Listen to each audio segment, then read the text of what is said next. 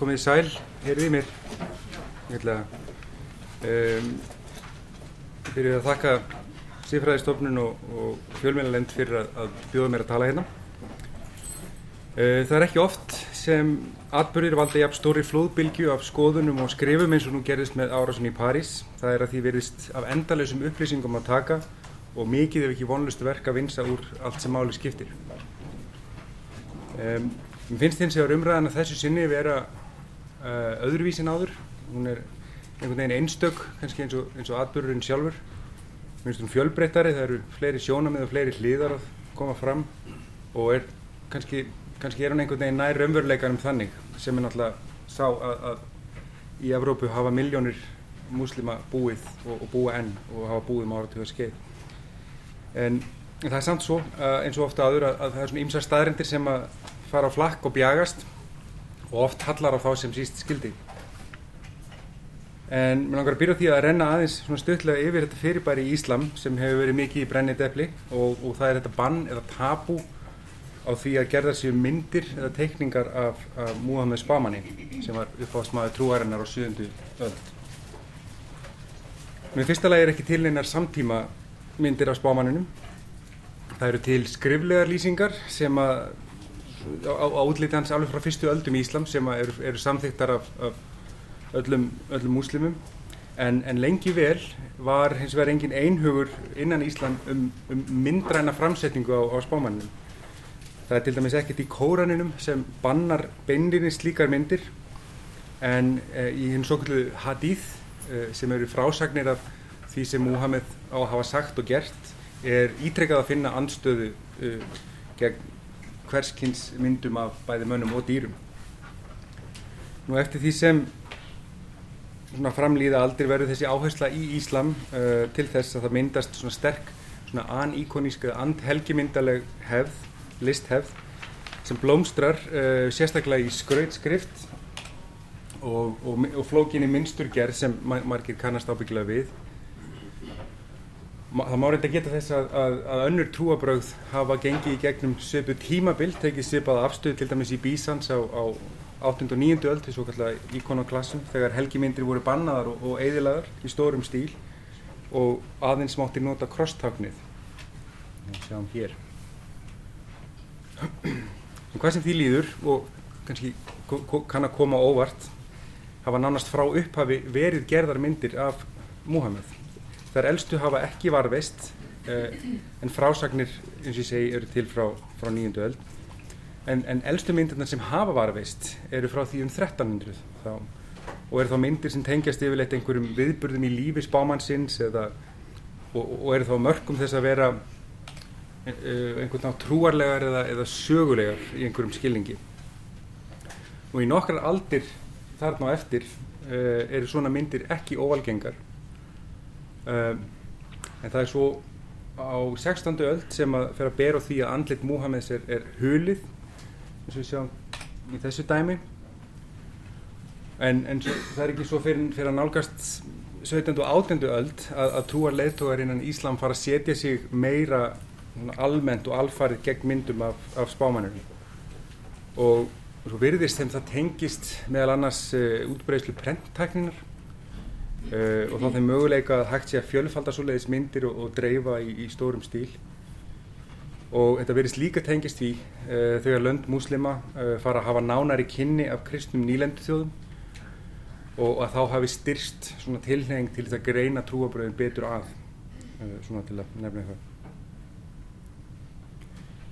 En það sem likur að baki þessari afstöðu almennt verðist vera svo skoðun að myndrænt efni myndra personum aðalega dragi aðtegli manna frá hennu rítaða orði sem er kjarni og grundstóð trúabræðana og í Íslam er þetta enn sterkara varðandi personu Múhameðs þar sem svo skoðun var almenn að ekki væri hægt að fanga stórkostleika hans í tvívíða mynd auk þess sem það væri ekki mannana að reyna að endurgera eða herma eftir alfullkomna sköpunarverki almættisins og það er eindir hægt að reykja þetta enn lengra hægt að reykja þetta enn lengra uh, uh, til þess sem kalla má myndsnöðrar menningar Arabíuskagans það sem Íslam verður til.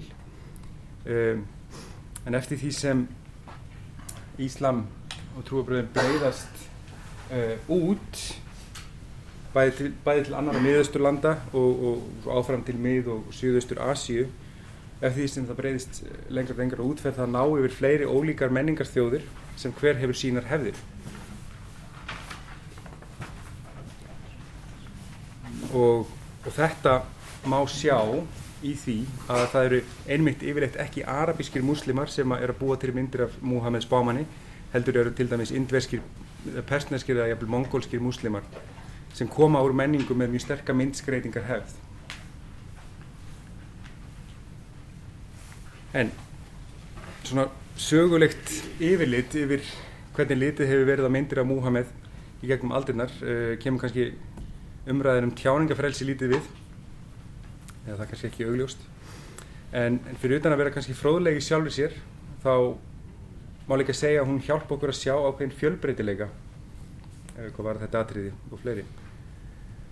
Nú enn í dag er þessu víða ólíkt farið uh, milli sunni og shia muslima það er til dæmis ekki óalgengt að, að íranskir shia muslimar hafi myndir að þessu tagi á spámanunum upp á vekkinni stofu þannig að það er ekki hægt að segja einfallega að allir múslimar seti sig eða hafi alltaf sett sig upp á móti myndum af, af Muhammed, mynd floknar eins og. En þá komum við að því uh, að myndir Charlie Hebdo eru ekki, er, það eru auðvitað allt annars eðlis. Uh, það eru ekki trúarlegar eða, eða sögulegar eins og það sem við sáum á hann, heldur eru það í flokknum háð. Og um það eru flestir eða allir múslimar samála um að flokkistundir, að flokkistundir niðrandi tjáningum menningu sína. En er þetta þá fullnægandi skýring á ódæðin í París? Er málið, málið upplýst með því að segja að vegna þess að Kvachi bræður og samtökin sem þeir tengjast, ISIS eða Al-Qaida, hafi verið múslimar, hafið þeir móðgast svo við teikningunum að þeir hafi náði vélbustuna sínar og myrt teiknarana? Er ekkert annað samhengi hér á ferð, forsaga sem getur aðstóða okkur við að tólka svo skelvina en allur? Jú, svo sannarlega. Og það er óhugkvæmilegt og hefur reyndar víða verið gert að undarförnu að setja þennan atbyrð í annað og mun stærra samhengi sem við hefum blóðuga nýlendu saga frakka og raunar margar annar þjóða vesturlanda í löndu múslima. Ef við lítum á hlut frakka til dæmis þá voru þeir aktífur á mjög stórum svæðum og við sjáum hér tvö kort annars vegar eins og samkómulag frá 1916 sem er leinilegt samkómulag mellir breyta og frakka með aðkomi rúsa þar sem þeir einfallega skipta þessu landsvæði upp á milli sín eftir gethóta og hagsmunum þvert á allar, allar línur ættflokka og, og, og annara hópa og, sem, en, sem enn er ekki búið að býta nálunni með og þetta er einna undirleikjandi þáttum í vandanum sem þetta svæði ávið að etja í dag. Það má líka bænda á Afríku og Norður Afríku og ekki síst Allsýr þar sem frakkar unnu, unnu mikinn skada og það hefur einmitt verið bænda á allsískan uppruna Kovaci bræðra í þessu samvæti. En þessari sorgarsögu laug því miður ekki þegar nýlendu okkinni laug. Í kjálfari fluttust uh, til Fraklands miljónir múslima, meðal annars vegna skorts á vinnuafli þar og vegna bágra aðstæðina í heimalanduru. Og í svona stuttu máli hefur uh, kerfið meir og minna bröðist þessu fólki. Atvinnleysi mikið, uh, sumstaðar alltaf 50% meðal þessara hópa eins og framhefur komið annar staðar. En sem sé nýlendustefnan og eftirkost hennar eru einhlið Uh, önnur hlið, ekki síður alvarleg og sennilega mun beintengdari árásin í París er uppgangur skipulara samtaka eins og Al-Qaida og ISIS sem er ekkit annað en her í stríði við allt og alla ekki síst aðra muslima uh, sem þeim fyrst, finnst heilt yfir ekki stundar næganlega hreint form af Íslam uh, eða það er allavega svona fyrirsláttur þeirra.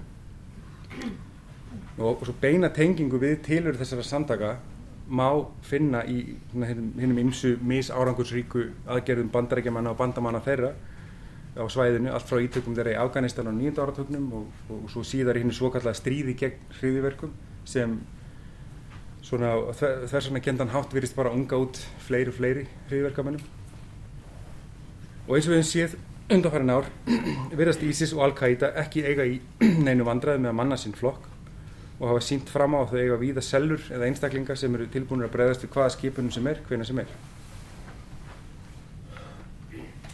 Koachi bræður er ekki til frásagnar um hvað það nákvæmlega var sem fekk þá til þess að fremja voðaverkin í París hugsanlega var það eitthvað eitt af því sem ég hef nefnt hér eða hugsanlega einhvers konar sambland af því öllu.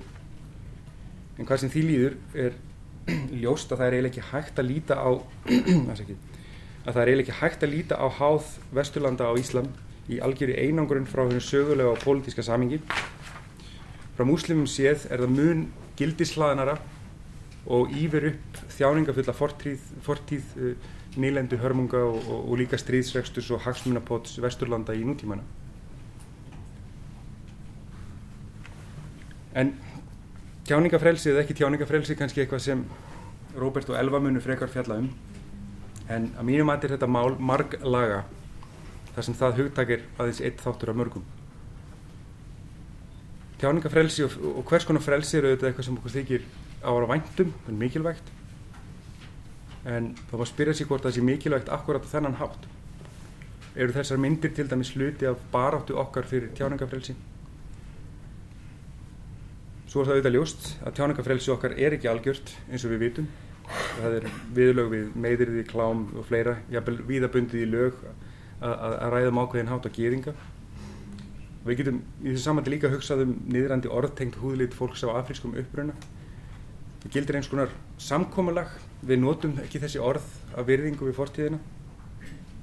Og kannski væri það ágætt lending ef því sama gilt um skopmyndir af Múhammed og við raunum að velta fyrir sér í, í ljósi atbyrða síðustu viku og, og það sem keðiverkunin sérst sérst hvort allt annað sé ekki raun bara lífshættulega óabyrg notkun tjáningafrælsis en hér verður endan sennilega hver að velja fyrir sig hvaða leiði skynslegt að fara.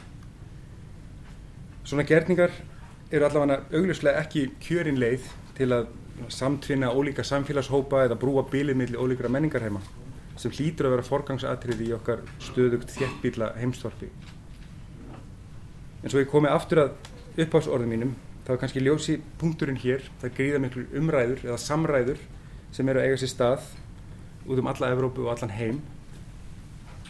Og það má vona að við höldum rétt á spöðunum geti eftirmálið þessa sorglega atbyrðar, atbyrðar verið svona þungt en nöðsynlegt þróskaskref